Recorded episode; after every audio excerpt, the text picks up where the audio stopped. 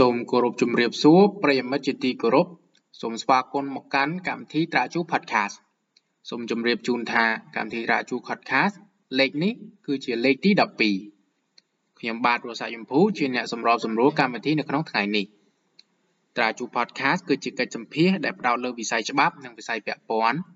ដែលមានមានការចូលរួមបកស្រាយនិងផ្ដល់ជាមតិយោបល់ដោយអ្នកជំនាញប្រកបដោយខ្លឹមសារខ្លីខ្លឹមនិងមានប្រយោជន៍ នៅក្នុងសប្តាហ៍នេះយើងបានលើកយកប្រធានបទពន្ធដារមកពិភាក្សាសារជាថ្មី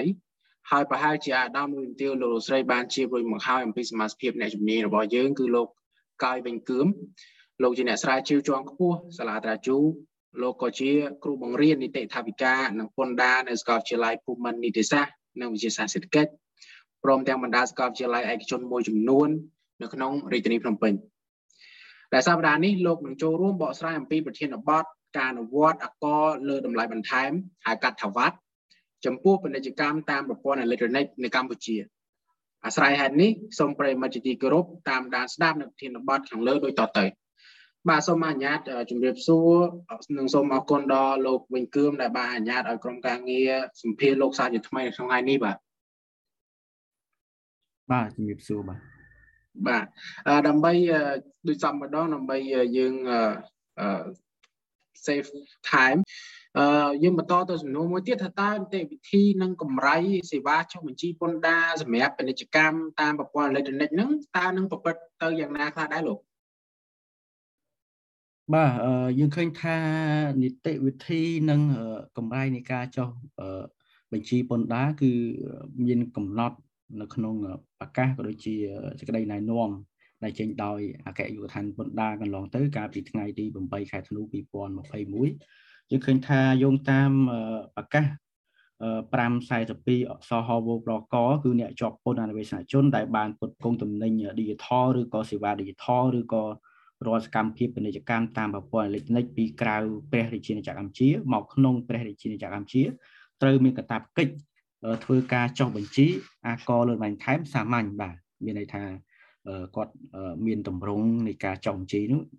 ដាច់ដោយឡែកពីអ្នកក្នុងស្រុកបាទក្នុងប្រជាកម្ពុជាបាទអញ្ចឹងគាត់ត្រូវចុះក្នុងអំឡុងពេល30ថ្ងៃក្រោយពីគាត់អាចបានស្មានពីផលរបរប្រចាំឆ្នាំរបស់គាត់ថាចាប់ពី250លានរៀលឬក៏រំពឹងថាមានផលរបរចាប់ពី60លានរៀលក្នុងរយៈពេល3ខែជាប់គ្នាណាមួយនៃឆ្នាំប្រតិចរន្តបាទ ហើយសម្រាប់បែបបទនៃការស្នើសុំចុះបញ្ជីសាមញ្ញនេះគឺមានរហូតដល់អឺ3ជំរើសសម្រាប់គាត់បាទទី1គឺគាត់អាចធ្វើការជួលទៅលើក្រុមហ៊ុនអឺគេហៅភ្នាក់ងារផ្ដល់សេវាកម្មពន្ធដារណាដើម្បីឲ្យគាត់នៅក្នុងប្រទេសហ្នឹងដើម្បីគាត់ជួយចុះបញ្ជីឲ្យគាត់ទី1ទី2គឺគាត់អាចចុះបញ្ជីតាមអនឡាញបានបាទតាមអនឡាញគឺចូលទៅក្នុង website របស់អគ្គនាយកដ្ឋានពន្ធដារ គឺគាត់អាចធ្វើការចុះដោយបំពេញឯកសារពេញអាស័យដ្ឋានអាប់ឡូតឯកសារទៅតាមតម្រូវការនៅក្នុងប្រព័ន្ធនោះទី3គឺគាត់អាចមកចុះដោយផ្ទាល់បាទគឺគាត់អាចមកចុះដោយផ្ទាល់នៅអគ្គនាយកដ្ឋានបណ្ដាក៏បានដែរគឺគាត់អាចទាញយកនៅពាក្យស្នើសុំចុះបញ្ជីតាមលក្ខណៈសាមញ្ញនេះគឺនៅក្នុង website របស់អគ្គនាយកដ្ឋានបណ្ដាផងដែរបាទហើយយើងឃើញថាឯកសារតម្រូវសម្រាប់ការចុះបញ្ជីអាកលបន្ថែមសាមញ្ញនេះ មានដូចជាពាក្យស្នើសុំចុះបញ្ជីអាករលើបន្ថែមសាមញ្ញដែលអាចទាញយកនៅក្នុង website វិញ្ញាបនបត្របញ្ជាក់ការចុះបញ្ជីរបស់អ្នកជាប់ពន្ធអនុវេសនជនឯកសារបញ្ជាក់អត្តសញ្ញាណដែលមានសុពលភាពរបស់ម្ចាស់ឬក៏អ្នកតំណាងមានដូចជាអត្តសញ្ញាណប័ណ្ណឬខិតចងដើមរបស់គាត់អីហ្នឹងរូបថតបាទដែលមិនលើសរយៈពេល3ខែដែលមានទំហំ35គុណនឹង45មីលីម៉ែត្រផ្ទៃខាងក្រោយពណ៌សពីសន្លឹករបស់នាយកឬក៏អ្នកតំណាងហើយមានលិខិតបញ្ជាក់ ព័ត៌មានគណនីធនាគាររបស់អ្នកជាប់ពន្ធអនុវេសនជនដែលចេញឬក៏បោះផ្សាយដោយធនាគាររបស់អ្នកជាប់ពន្ធអនុវេសនជននោះហើយសម្រាប់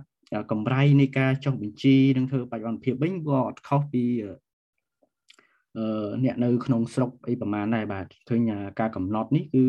40ម៉ឺនរៀលសម្រាប់ការចុះបញ្ជីអាកលបន្ថែមបែបគេហៅសាមញ្ញនេះបាទ ហើយសម្រាប់ការតម្លៃនៃការធ្វើបច្ចុប្បន្នភាពគឺ20ម៉ឺនរៀលដែរបាទក្នុងករណីដែលគាត់ធ្វើបច្ចុប្បន្នភាពផ្លាស់ប្ដូរនាមកឬក៏អាស័យដ្ឋានសមាជិកគ្រប់គ្រងអីចឹងបាទគឺគឺគាត់តម្រូវឲ្យបង់សេវាបាទហើយសម្រាប់អឺអឺករណីមួយចំនួនទៀតបើគាត់អត់បំពេញនៅការចុះបញ្ជីអីចឹងគឺច្បាប់គឺបានផ្ដល់អំណាចទៅដល់រដ្ឋបាលសារពើពន្ធ គឺគាត់អាចចុះបញ្ជីអាកលលំថែមជាឯកតោភាគីក្នុងករណីដែរអ្នកជាប់ពន្ធហ្នឹងពុំបានមកចុះបញ្ជីឬក៏ពុំបានមកចុះបញ្ជីតាមការអញ្ជើញរបស់រដ្ឋបាលសារពន្ធដោយផ្អែកទៅតាមព័ត៌មាននិងទិន្នន័យដែលរដ្ឋបាលសារពន្ធមានបាទអរគុណបាទលោកវិញគឺអរគុណខ្ញុំចាប់អារម្មណ៍ចំណុចចុងក្រោយដែលលោកបានលើកយកតេតិននឹងដែលអ្នក ត្រូវមានកាតព្វកិច្ចបងពុនមួយចំនួនដែលក៏អត់បានចុះបញ្ជីតាមការណែនាំអញ្ចឹងតើតើចំពោះអ្នកដែលមិនបានបំពេញកាតព្វកិច្ចប្រកាសពុននេះនឹងត្រូវរងទោសទណ្ឌអ្វីដែរខ្លះហើយតើរដ្ឋាភិបាលទុករយៈពេលប្រមាណដែរសម្រាប់អ្នកជាប់ពន្ធក្នុងការរៀបចំឯកសារក្នុងការប្រកាសពន្ធនេះ បាទអរគុណច្រើនសម្រាប់សំណួរនេះគឺសំខាន់បាទឃើញថារាល់បុគ្គលជាប់អាករដែលមិនបានចុះបញ្ជីឬក៏មិនបានធ្វើបច្ចុប្បន្នភាពព័ត៌មានឬក៏មិនបានដាក់លិខិតប្រកាសនិងមិនបានបង់ប្រាក់អាករលើបែបថែមជូនរដ្ឋបាលសារពើពន្ធគឺគាត់ត្រូវត្រូវទូរងទោសទណ្ឌដូចមានចែងនៅក្នុងច្បាប់ស្ដីពីបទបញ្ញត្តិស្ដីពីពន្ធដារជាធរមានបាទអញ្ចឹងបទល្មើសស្ដីពីពន្ធដារនេះយើងឃើញថាមានទាំងអំពើរាំងស្ទះ នៃការអនុវត្តបទបញ្ញត្តិស្ដីពីពន្ធដារហើយក្នុងនោះក៏មានដូចជាការមិនរក្សាបញ្ជីការកណីការមិនអនុញ្ញាតឲ្យរដ្ឋបាលសារពើពន្ធពិនិត្យវិជីឯកសារអញ្ចឹងបាទការមិនមកចុះបញ្ជីរដ្ឋបាលសារពើពន្ធក៏ជាអំពើរាំងស្ទះដែរហើយអំពើទី2គឺអំពើធ្វើធ្វើប្រហែសមានថាគាត់បងខ្វះបងអីអញ្ចឹងយ៉ាងនេះជាការធ្វើប្រហែសហើយអាចមានជាការធ្វើប្រហែសកម្រិតទាបហើយនឹងធ្ងន់ធ្ងរបាទអញ្ចឹងគឺទោសទណ្ឌវាទៅតាមនឹងដែរ ហើយការទូទាត់នេះវាអាចមានជាការពិន័យជាពន្ធបន្ថែមនិងការប្រាក់ប្រចាំខែអញ្ចឹងណាបាទអានេះជាជាការពិន័យជាប្រាក់ហើយបើសិននិយាយពីទោសប្រមត្តនវិញយើងឃើញថាចំពោះអង្គើកិច្ចវេះបាទអង្គើកិច្ចវេះ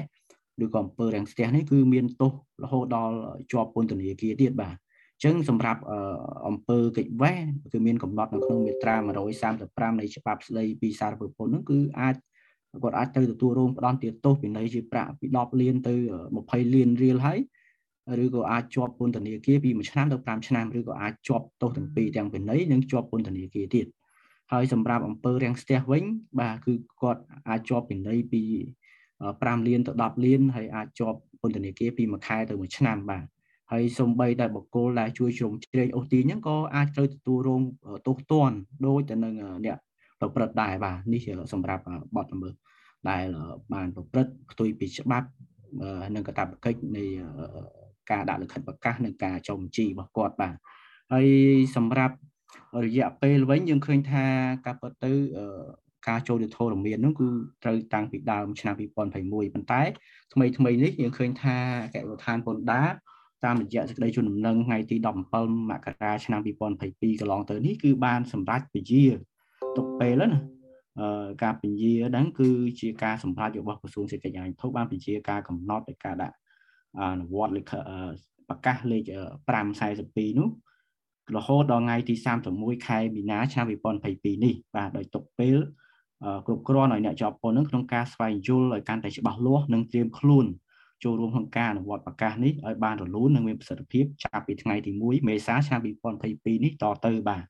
ចឹងគឺគឺទុករយៈពេលហ្នឹងគឺយូរដែរបាទសម្រាប់គាត់ក្នុងការរៀបចំខ្លួនទាំងឯកសារអីពាក់ព័ន្ធបាទទាំងអ្នកដែលមិនទាន់ចុះបញ្ជីទាំងអ្នកដែលគាត់មានសកម្មភាពជីវកម្មហើយគឺគាត់នឹងចាប់ផ្ដើមអនុវត្តកាតព្វកិច្ចនេះចាប់ពីថ្ងៃទី1មេសាឆ្នាំ2022តទៅបាទសូមអរគុណបាទសូមអរគុណលោកកយវិញគឿមដែលបានចំណាយពេលវេលាដ៏មានតម្លៃជាវាគ្មិនសម្រាប់កម្មវិធីត្រាជូ podcast ពិសេសលើប្រធានបទការអនុវត្ត អាករលើតម្លៃបន្ថែមវត្តចំពោះពាណិជ្ជកម្មតាមប្រព័ន្ធអេឡិចត្រូនិកនៅកម្ពុជាចឹងជារួមយើងមើលឃើញថាប្រធានបទនេះពិតទទួលបានការចាប់អារម្មណ៍ហើយពិសេសជំវិញអ្នកដែលគាត់ធ្វើអាជីវកម្មតាមប្រព័ន្ធអេឡិចត្រូនិកដែលលោកវិញគឹមក៏មានប្រសាសន៍ដែរដូចជា